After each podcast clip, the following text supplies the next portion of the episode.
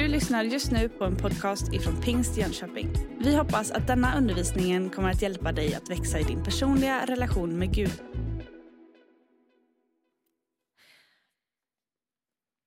Alltså det är en sån otroligt stor glädje som jag känner att få att vi får mötas idag och få fira gudstjänst tillsammans. Det går knappt att uttrycka med ord.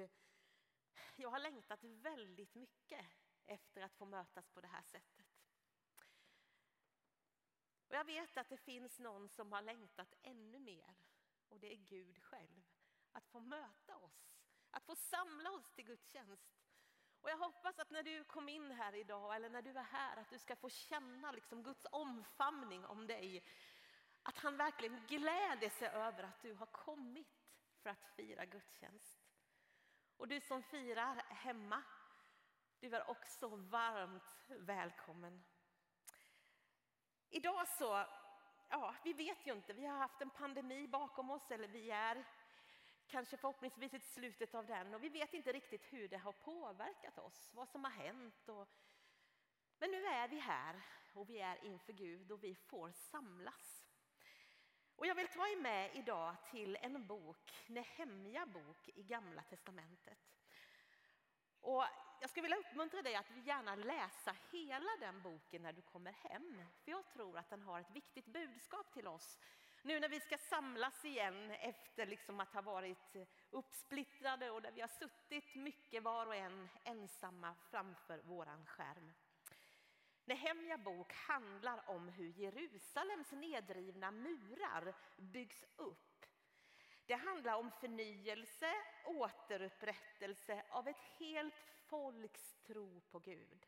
Och jag har satt som tema idag att samarbeta med Gud och bygga upp det raserade. Och I Nehemja bok så kan man se att det händer någonting när en människa på något sätt låter sig beröras av andra människors nöd.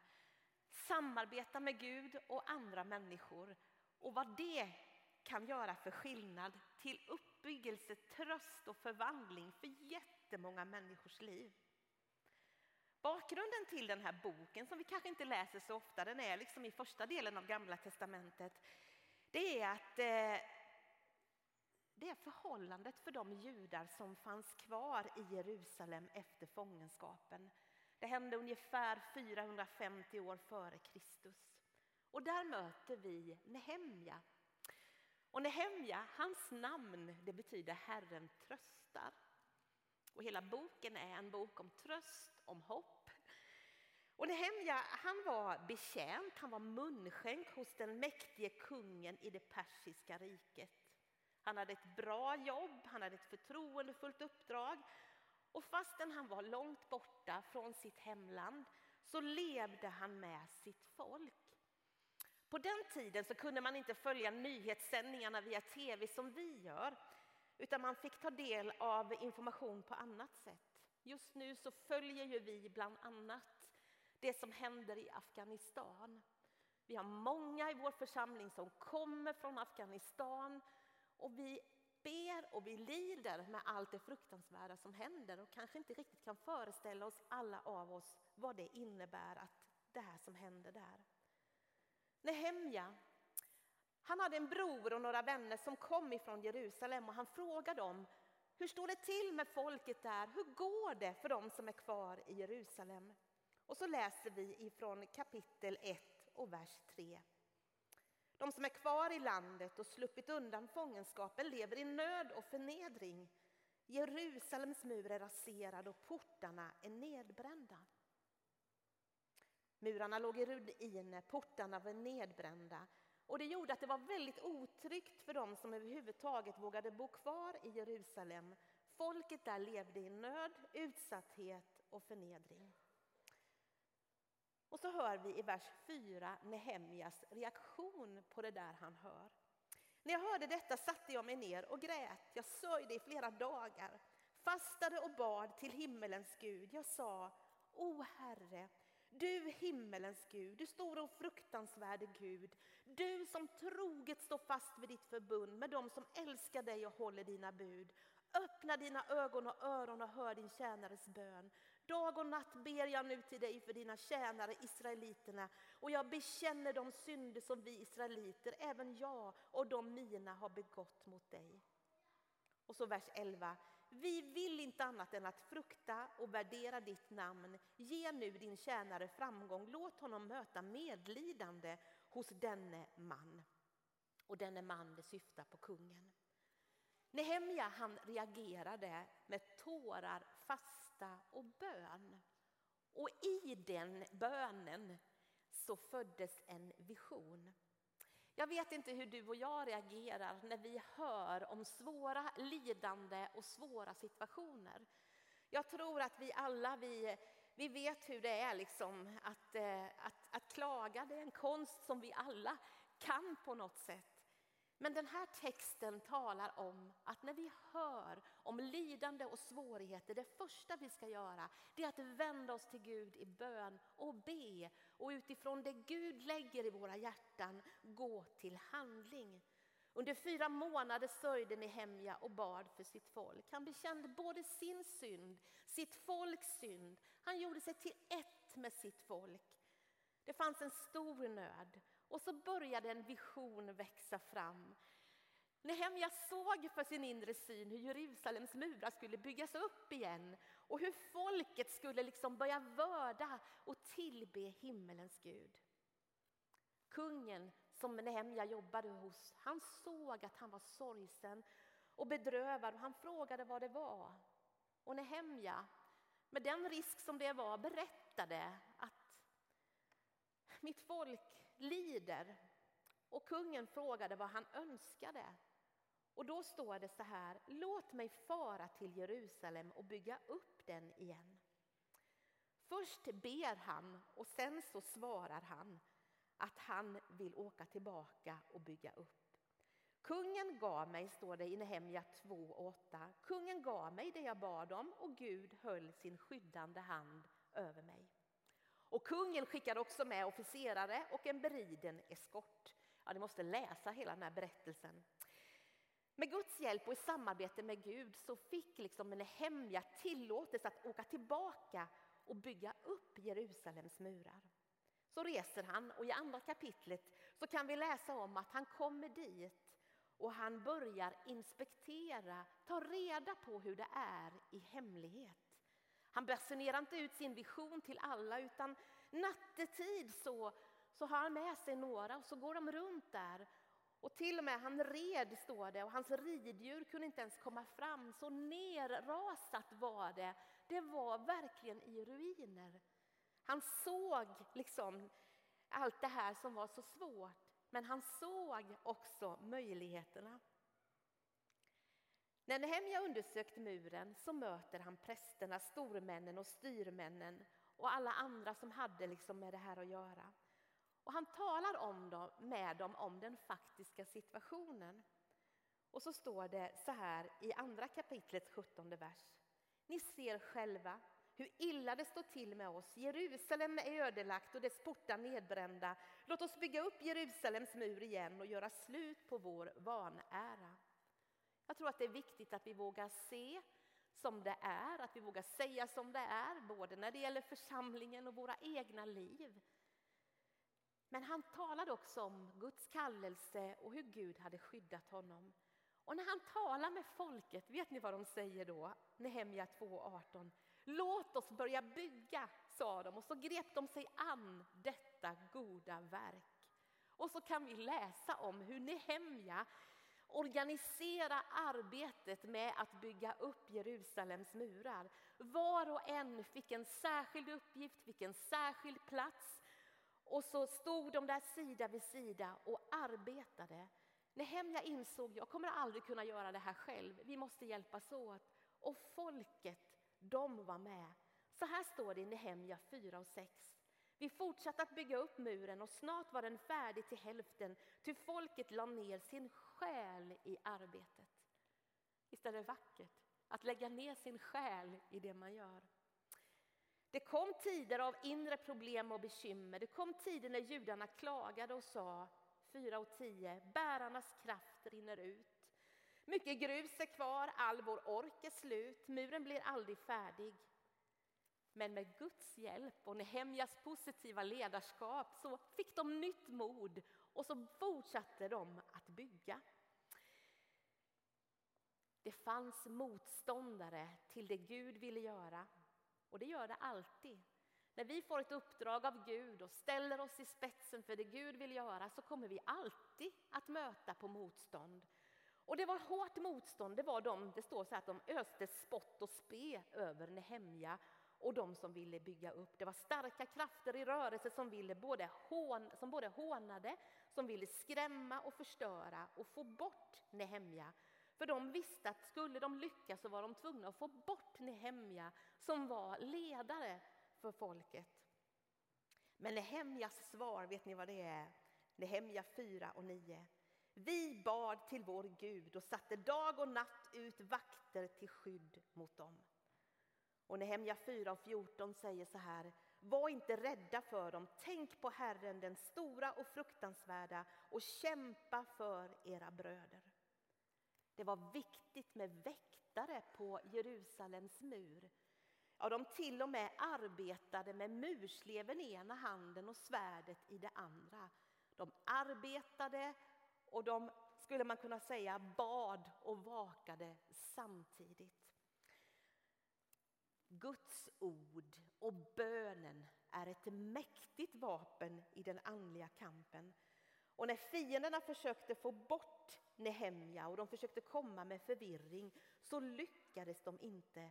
Och Nehemja säger i kapitel 6 och 11 Skulle en man som jag ta till flykten?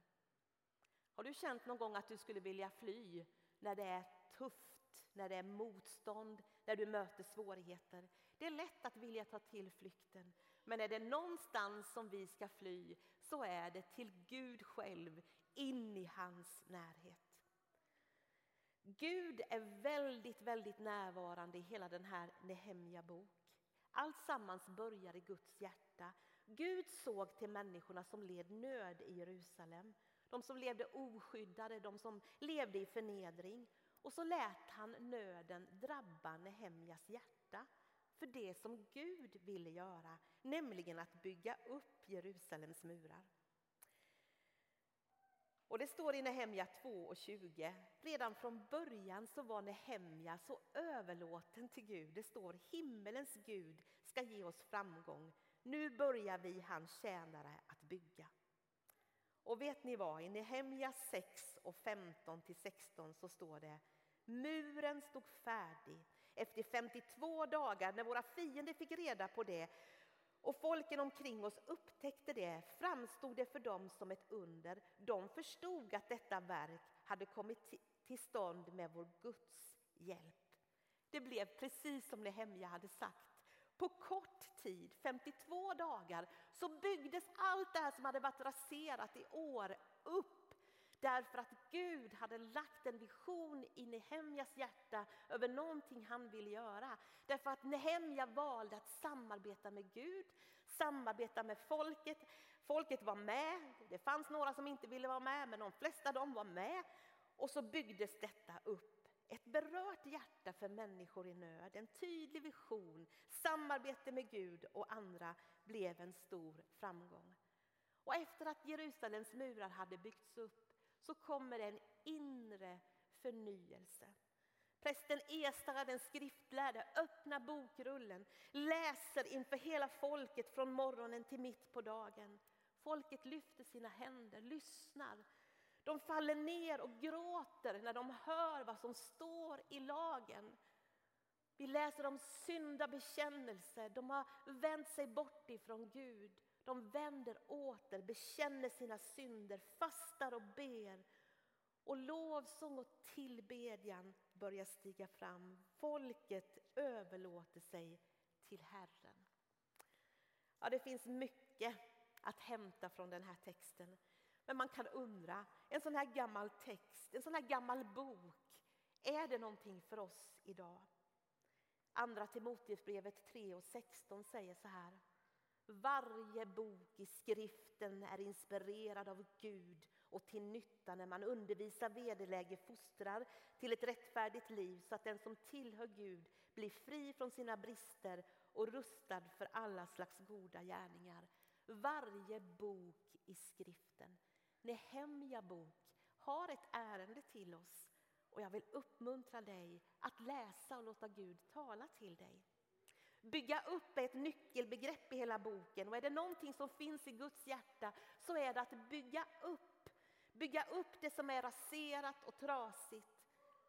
Djävulen har kommit för att stjäla, slakta och döda, för att riva ner och splittra och förvirra. Men Gud han vill bygga upp och förvandla trasiga människors liv. Han vill bygga upp församlingar, han vill bygga upp han vill bygga upp oss och han vill att vi ska bygga upp varandra. Matteus 16 och 18, där säger Jesus, jag ska bygga min kyrka och dödsrikets portar ska aldrig få makt över den. Och jag har tröstat mig under den här pandemitiden. På något sätt, man vet inte vad, vad, vad är församlingen, hur går det? Nej, men det är Guds församling, Jesus bygger och vi får vara hans medhjälpare.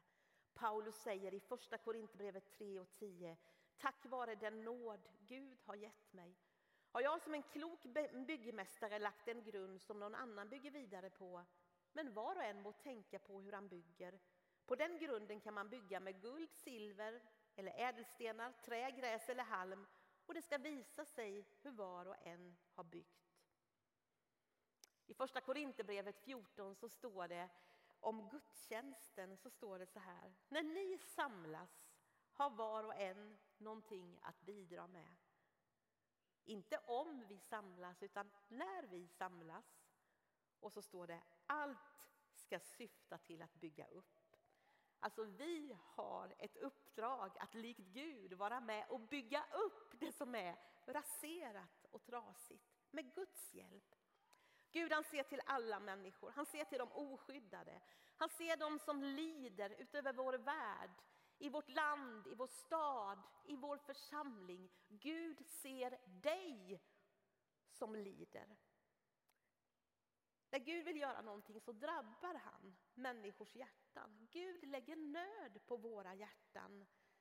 Och Det finns så många exempel i Bibeln, i historien och vår egen tid människor som har det börjat med nöd, det har börjat med en bön och så har man gått till praktisk handling och så har det fått stora konsekvenser.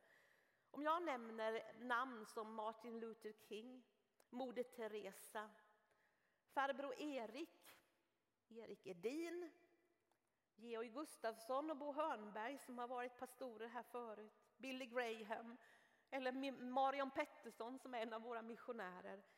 Ja, många av er ni känner igen de namnen. De har varit med och betytt väldigt, väldigt mycket. Men det finns så många människor som har namn som inte är kända men som betyder ofantligt mycket därför att man låter nöden och engagemanget drabba hjärtan och man går till handling. Vad behöver byggas upp idag? Nu lever vi så här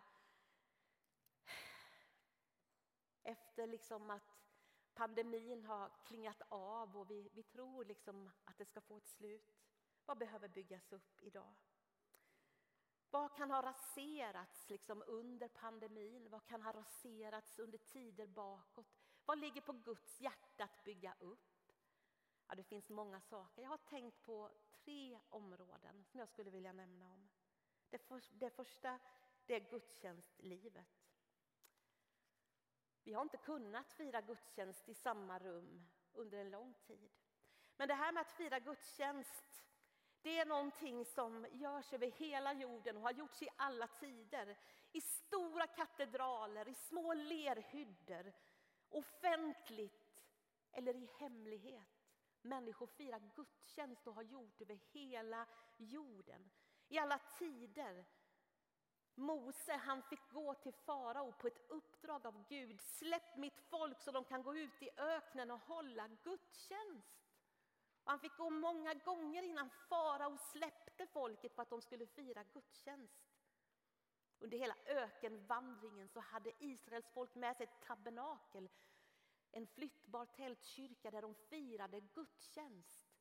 Sen blev det templet, det blev mer permanent, synagoger, Jesus, lärjungarna firade gudstjänst. De första kristna firade gudstjänst. Man har firat gudstjänst i alla tider. Vi firar gudstjänst på Jesu uppståndelsets dag för att påminnas om att han lever. Att fira gudstjänst är inget som vi har hittat på. Det är Gud som kallar oss samman till gudstjänst. Och Hebreerbrevet talar om att vi inte ska överge våra sammankomster. Vi har tagit för givet att vi ska kunna samlas. Men nu ser vi att det är inte en självklarhet. Och idag när vi får möjlighet att samlas så är det med stor glädje och tacksamhet. Men kanske har det hänt någonting i tiden under pandemin. Kanske har det varit bekvämt för oss att kunna sitta liksom i morgonrock med en kopp kaffe och titta på gudstjänst på en skärm. Det har öppnat möjligheter för den som inte tidigare har kunnat komma på grund av olika omständigheter. Det har varit någonting positivt, någonting gott, någonting som vi vill ta vara på. Men gudstjänst handlar framför allt om de troendes gemenskap, att vi kommer samman. Att titta på en skärm är inte det nya normala. Det nya normala är att vi ska mötas. Matteus 18 och 20 säger där två eller tre är samlade i mitt namn är jag mitt ibland dem. När vi ska träffa en människa så, frågar, så bestämmer vi någon slags mötesplats. Var ska vi mötas? På ett café eller hemma hos någon? Eller var ska vi mötas? Vår mötesplats som Pingstkyrka i Jönköping det är på Västra torget. Det är den här kyrkan. Här är vår mötesplats. Här samlas vi för att fira gudstjänst. Ja, vi har en kyrka i Hovslätt också, Pingstkyrkan i Hovslätt. Församlingen är de troendes gemenskap. Det är tillsammans med de heliga som vi förmår fatta bredden, längden, djupet och höjden. Det är någonting som händer när vi är tillsammans. Jag har varit med om att Gud han har mött mig framför skärmen så många gånger under den här tiden och det är fantastiskt. Men att få mötas i samma rum när man har möjlighet, det är något mycket djupare. Och du vet, när vi kommer tillsammans då har var och en någonting att bidra med. Gudstjänsten det är ingenting som vi ska på något sätt konsumera eller recensera. Utan gudstjänsten är ett möte mellan himmel och jord. Och när vi kommer så har var och en någonting att bidra med. För att gudstjänsten överhuvudtaget ska kunna äga rum så är det många olika funktioner som behöver till. Allt ifrån den som låser upp kyrkan och säger välkommen till den som dukar nattvardsbordet. Men var och en har någonting viktigt att bidra med. När du kommer, bara att du kommer, att du kommer hit är en gudstjänst. Att du styr dina steg att komma är så betydelsefullt. Gud gläder sig när du gör vad du kan för att komma. När du är med och lovsjunger och ber, då händer någonting i hela församlingskroppen.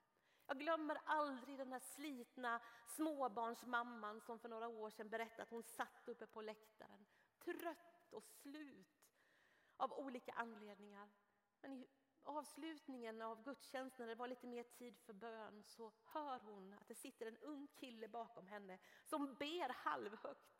Och han tackar Gud för sin familj, för sina föräldrar, för sin församling.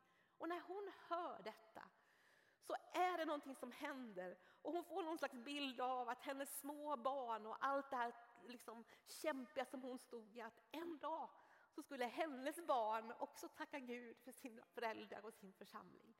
Han hade ingen aning om att han kunde liksom genom sin bön vara med och göra så att hon fick ett möte med Gud. Gud möter oss genom varandra väldigt ofta och när, han samlar, när vi samlas i hans namn så händer någonting.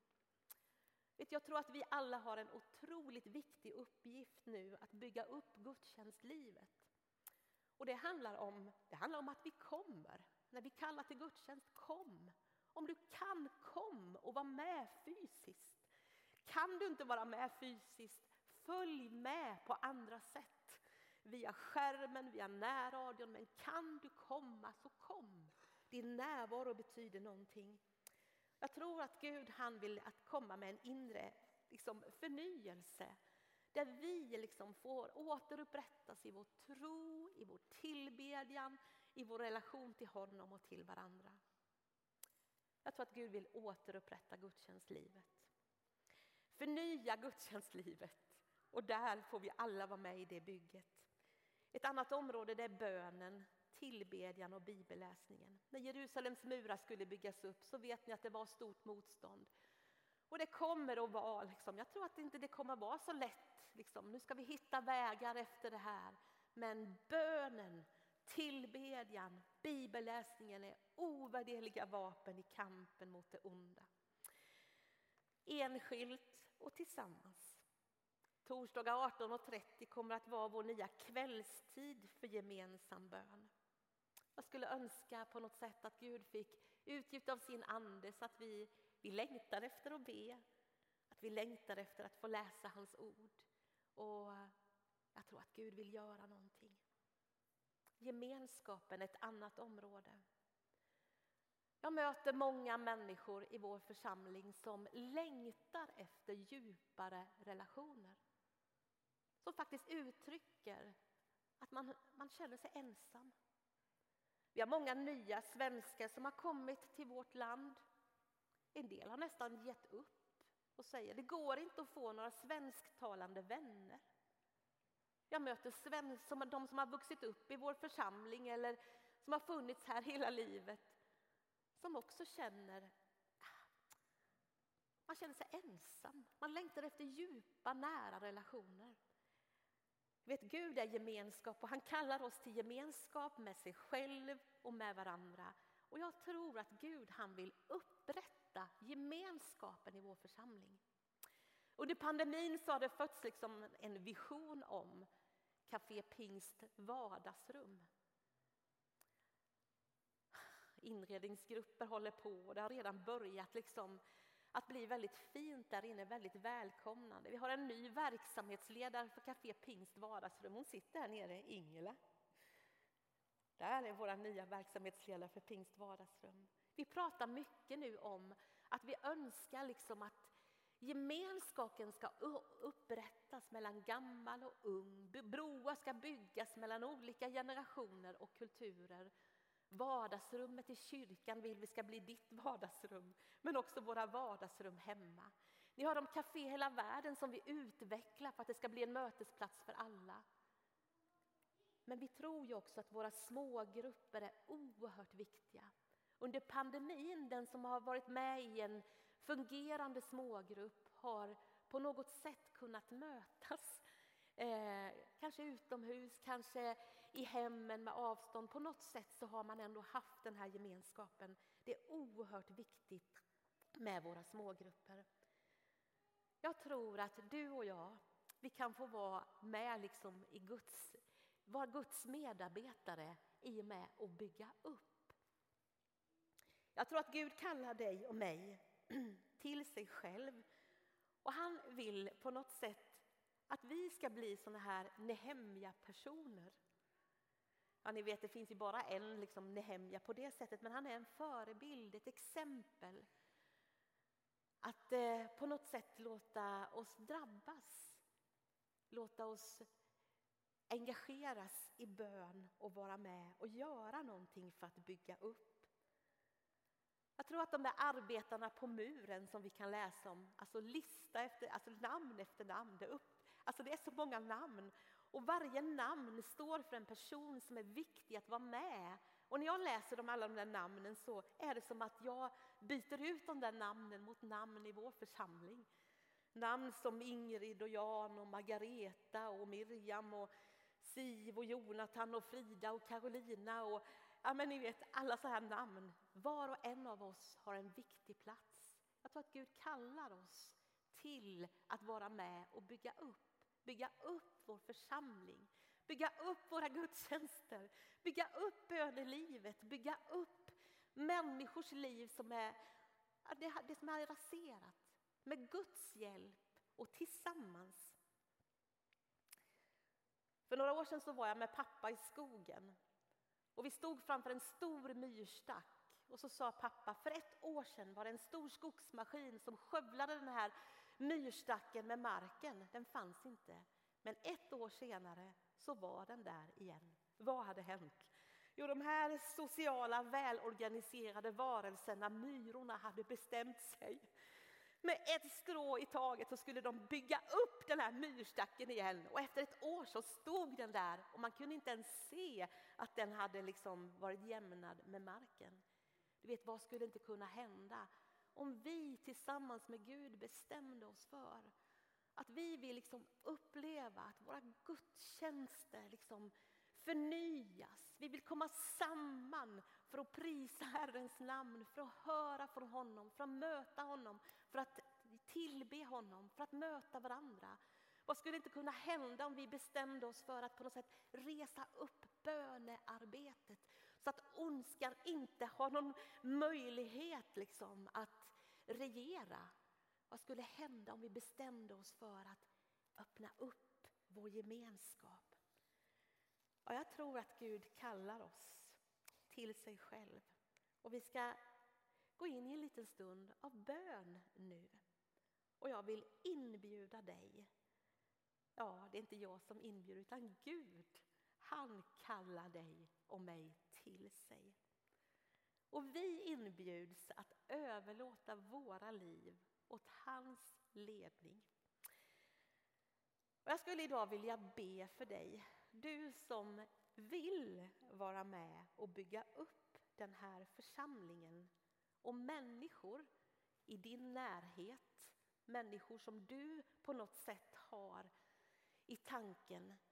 Du vill vara med och bygga upp, du vill vara med och göra vår församling, vår stad och vår värld till en bättre plats.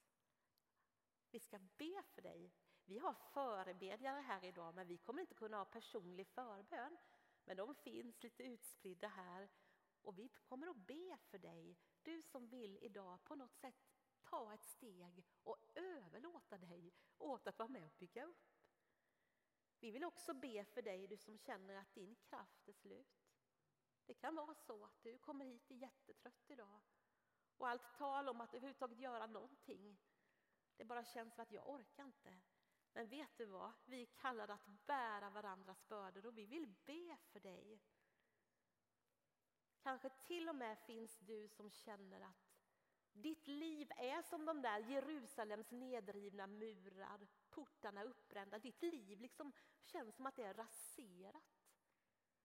Och skulle det vara så, du vet du att Gud, han vill bygga upp och vi vill vara med och be för dig.